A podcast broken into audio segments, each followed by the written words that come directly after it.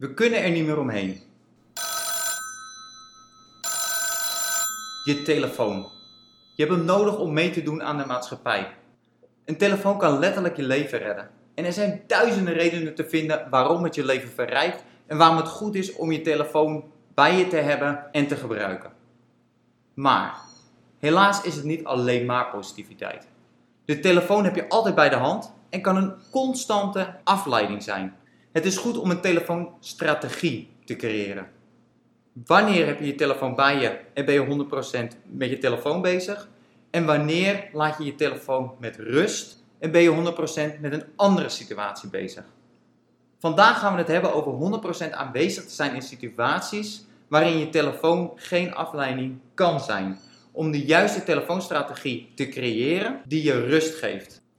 Want je telefoon heeft ook vele negatieve effecten. Denk aan auto-ongelukken die gebeuren doordat mensen afgeleid zijn door hun telefoon. Of slaapverstoring, relatieproblemen, minder kwaliteit in de interactie met je kinderen. Kinderen die verdwaald raken op het strand omdat ouders op de telefoon zitten. En hiermee dus ook de ontwikkeling van je kind. Heb jij al een telefoonstrategie? En wat zou een goede telefoonstrategie voor jou zijn? Hey, ik ben Bas en Alexander. En vandaag ga ik dus dieper in op het gezond gebruik van je telefoon. Laten we beginnen. Kinderen hebben het haarfijn door als jij niet helemaal 100% de aandacht voor ze hebt. Ze voelen dat de aandacht en de liefde beperkt is. En wat gebeurt er op zo'n moment als zij doorhebben dat die liefde en de aandacht beperkt is? Dan gaan ze naar bevestiging zoeken. Dan gaan ze extra aandacht vragen. Dit kan op een positieve manier of dit kan op een negatieve manier. Vanwege alle tijdbesparende uitvindingen, denk aan de wasmachine, de stofzuiger, hebben we in de geschiedenis nog nooit zoveel tijd gehad om met onze kinderen door te brengen. Ondanks dat vele ouders werken. Maar de kwaliteit van deze tijd is ook nog nooit zo laag geweest vanwege de telefoon. De telefoon is altijd een handbereik en is een constante stoorzender met geluid, buzzer en het oplichten, omdat je berichten krijgt, omdat je gebeld wordt.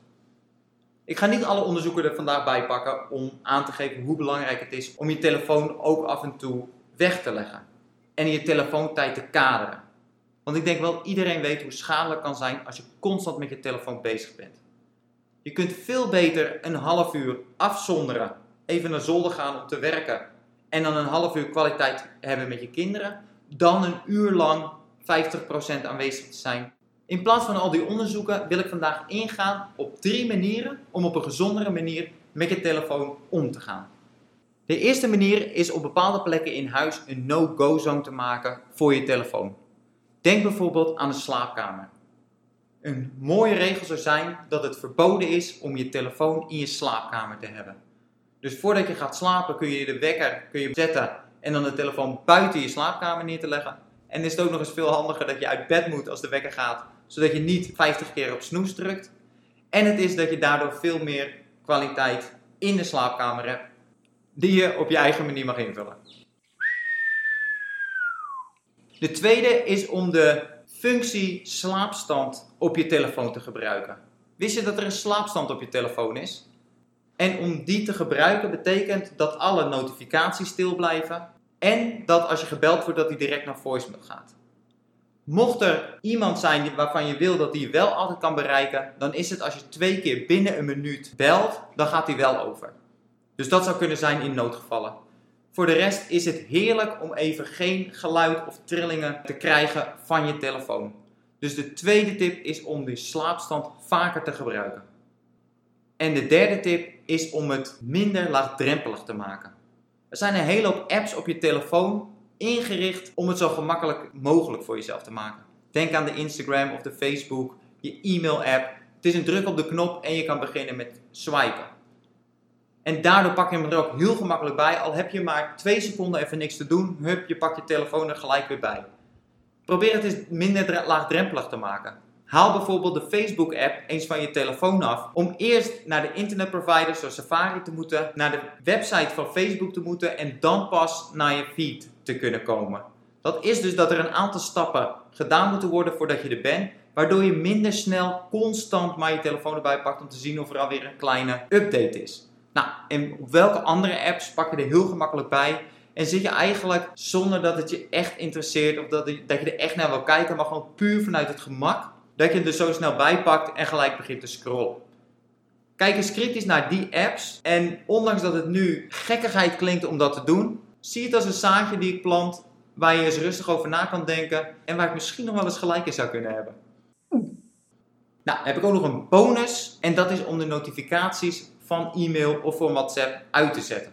Van wat er nu gebeurt is dat je een bepaalde stressrespons krijgt als je de e-mail leest en je ziet de eerste zin al in beeld komen, dat je de neiging hebt om direct te reageren. En hetzelfde is met WhatsApp of met berichten. En door die notificaties uit te zetten, bepaal jij wanneer je berichten of e-mails checkt. Dat is een hele mooie manier om die telefoontijd te kaderen, waarin je zegt van oké, ik heb nu eventjes 10 minuten de tijd en ik batch het berichtenwerk wat ik moet doen en ik reageer iedereen even tegelijk en dan leg ik hem weer weg. En hetzelfde met e-mails. In plaats van dat je constant even gauw een e-mail tussendoor schrijft, om 20 minuten, een half uur of een uur te pakken en dan 20 e-mails in één keer te antwoorden. Dat zal je een hele hoop tijd schelen. Dus waar we het vandaag over hebben gehad, is dat je telefoon is van levensbelang. Je moet een telefoon hebben en het is ook goed om hem vaak dichtbij te hebben. Maar probeer bewust met je telefoongebruik om te gaan. Vraag jezelf eens kritisch af: spendeer ik misschien te veel tijd op die telefoon? En kan ik het misschien bepaalde dingen kaderen om meer tijd vrij te maken, maar voornamelijk ook om meer aanwezig te zijn tijdens het eten, tijdens de interactie met je partner of met je kinderen? En welke strategie past daarbij het beste bij jouw leven? Nou, we hebben de drie tips die ik heb gegeven: van geen telefoon in je slaapkamer of op andere plekken in het huis. Gebruik de slaapstand eens vaker. Maak bepaalde apps minder laagdrempelig, zodat je niet constant hem erbij pakt en die urge krijgt om te checken. En ook om bepaalde notificaties uit te zetten. En in het begin kan dat een bepaalde stress of anxiety geven als je niet precies weet wat er aan de hand is. Maar alles wendt. Dit is iets van, we hebben een verslaving, klinkt als een zwaar woord. Maar we hebben een bepaalde noodzaak voor die telefoon ontwikkeld in ons leven. Maar wat ook heel makkelijk weer af te leren is. Je bent niet afhankelijk van die telefoon. En probeer eens om die tijd zonder telefoon groter te maken. Je hoeft hem niet direct een uur weg te leggen. Begin eens met 5 minuten. Begin eens 5 minuten telefoon weg en 100% aanwezig zijn in interacties met je kinderen. De challenge. Oké, we hebben de vier tips, de drie tips en de bonus tip besproken. En uiteraard ga ik je motiveren om met alle vier te proberen.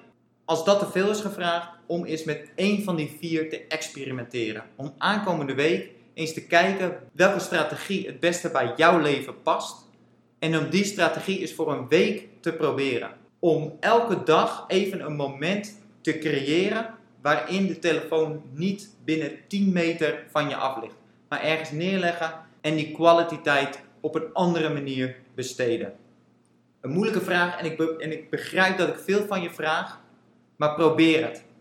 Ik ben hier om je aan te moedigen. Ik ga het ook deze week doen. Ik hoop jij ook. Dit was het voor vandaag. Go get them, je kunt het. Tot volgende week. Ciao.